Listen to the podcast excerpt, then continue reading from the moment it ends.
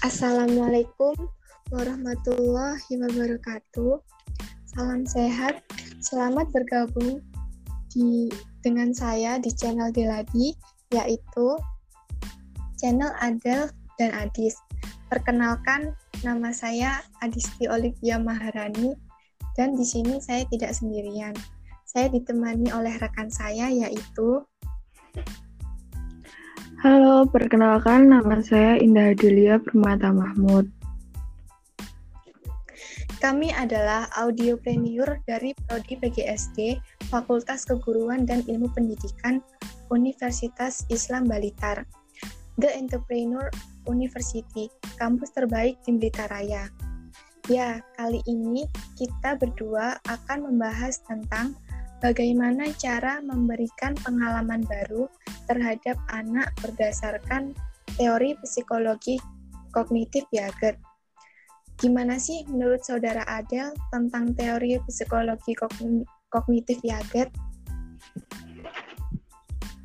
Nah, sebelum kita membahas tentang teori kognitif Piaget, kita memahami dulu tentang kognitif. Apa itu kognitif? Kognitif adalah salah satu dalam taksonomi pendidikan. Secara umum, kognitif diartikan awal yang terdiri dari evaluasi, pemahaman, penerapan, analisis, sintesa, atau sintesis, evaluasi.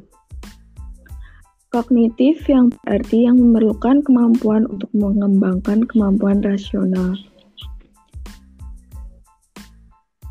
Sedangkan berdasarkan teori yang dikemukakan Piaget, bahwasanya perkembangan kognitif bukan hanya memantangkan organisme, bukan pula pengaruh lingkungan semata, melainkan interaksi di antara keduanya.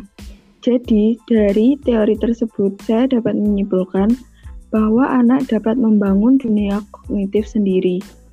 Dan kognitif tidak bisa dapat dengan kematangan berorganisasian, tetapi juga harus beradaptasi dengan lingkungan dan keadaan sosial. Jadi, kita keduanya diseimbangi, maka akan menjadi anak yang memiliki kognitif yang lebih baik.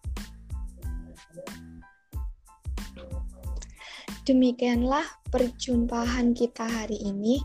Terima kasih telah mendengarkan kami di channel Deladi. Salam, sehat dan berbahagia. Ya, salam entrepreneur Unisba Blitar. Kreatif, kreatif integratif, integratif inovatif, dan dan energik. Saya Adisti Olivia Maharani dan saya Indah Delia Permata Mahmud. Wassalamualaikum warahmatullahi wabarakatuh.